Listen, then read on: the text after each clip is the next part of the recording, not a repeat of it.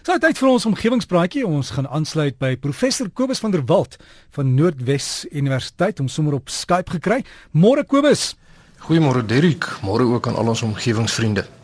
Vanoggend wil ek graag begin met 'n regtig 'n stukkie goeie nuus en dit is dat die 16-jarige Kiara Nurgen van die St. Martins Hoërskool in Johannesburg onlangs stof in die oë van honderde ander skoolkinders van reg oor die wêreld geskop het toe sy as die wenner van Google se Wetenskap Expo kompetisie aangewys is. Hierdie briljante dogter het daarmee 'n studiebeurs van 50000 Amerikaanse dollar losgeslaan vir haar uitvinding wat boere kan help tydens droogtetye. Nou vir die van ons omgewingsvriende wat dalk nie die agtergrond ken nie, ek het so 'n paar weke gelede vertel van Kiara Nurgen se projek waar sy 'n superabsorberende polimeer vervaardig het uit lemoenskille en avokadopeerskille. En hierdie polimeer het die vermoë om 300 keer sy eie gewig in water te kan absorbeer. So as mens nou hierdie stof in jou landbougrond inmeng, dan absorbeer dit groot volumes reënwater of besproeiingswater en stel dit dan weer stadig vry aan die plante sodat droogtes dan nou baie beter deurstaan kan word. En ek is veraloggend werklik trots om 'n Suid-Afrikaner te wees met sulke pragtige kinders wat in ons land is en ek wil vir uh, vir Kiara hartlik gelukwens met hierdie mooi prestasie. As van ons omgewingsvriende belangstel om meer van die superabsorberende polimere te wete te kom, kan u gerus omgewingspraatjies se Facebookblad besoek.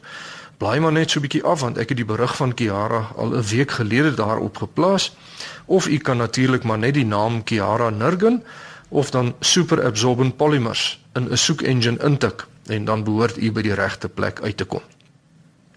Dan het ek nog iets wat met water te doen het. Ek het verlede week vir boere wat spulpunte gebruik gevra om asseblief seker te maak dat hulle die nodige magtigings het om dit wel te mag doen.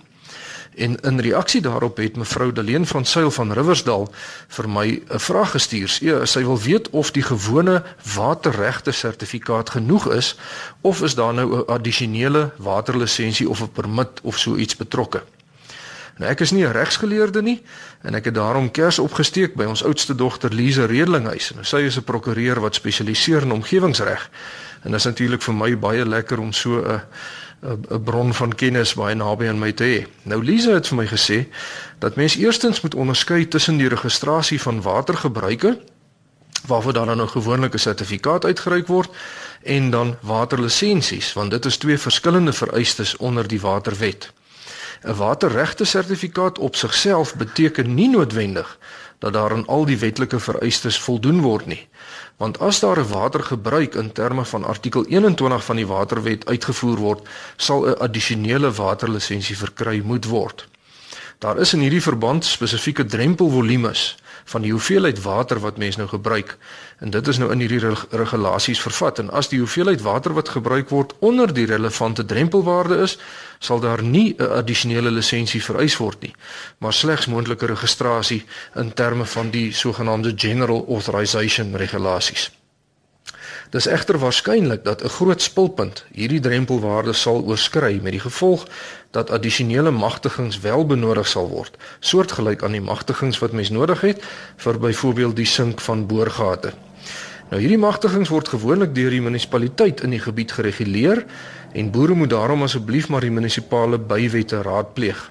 Maar as jy enigsins onseker is, gebruik maar liefs 'n omgewingskonsultant of 'n prokureur se dienste om te help met die bepaling van enige verdere lisensieringsvereistes en ook dan met die daaropvolgende proses want hierdie saak is nie iets waarmee mens kanse kan neem nie.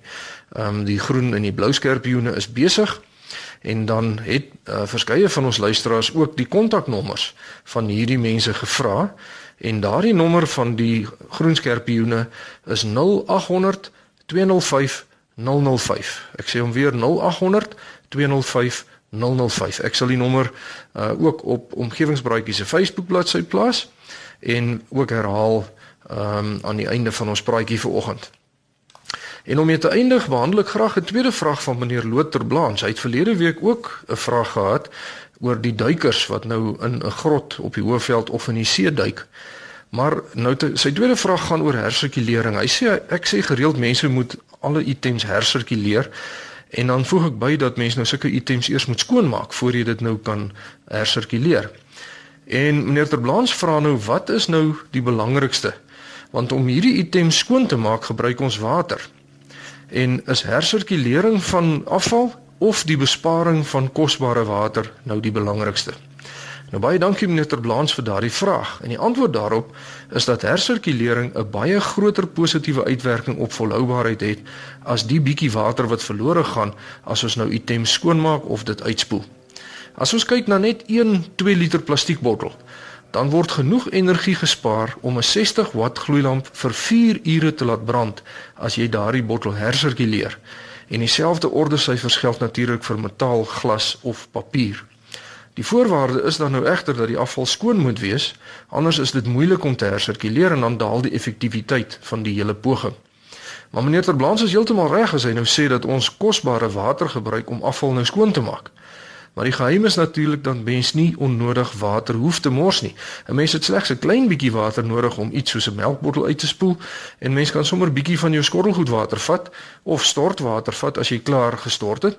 En ehm, dit hoef nie skoon kraanwater te wees nie. En dieselfde geld natuurlik vir houers soos jogurthouers of roomysbakke of glasbottels of enige iets. 'n Mens was dit sommer saam met jou skottelgoed en as mens dan nou die sommetjies maak, dan wys die positiewe netto-effek op die omgewing dat ons alles moontlik moet hersirkuleer. Maar natuurlik moet mens jou gesonde verstand ook gebruik, want dit is nie nodig om 'n leë melkbottel halfvol skoon water te tap as jy hom wil uitspoel nie.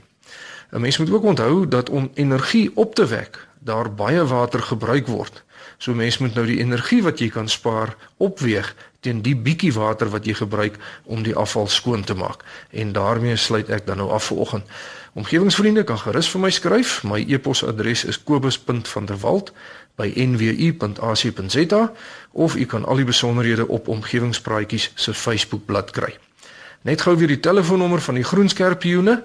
Dis 0800 205 005. En daarmee wens ek al ons omgewingsvriende alles van die beste toe tot 'n volgende keer. Groetnis.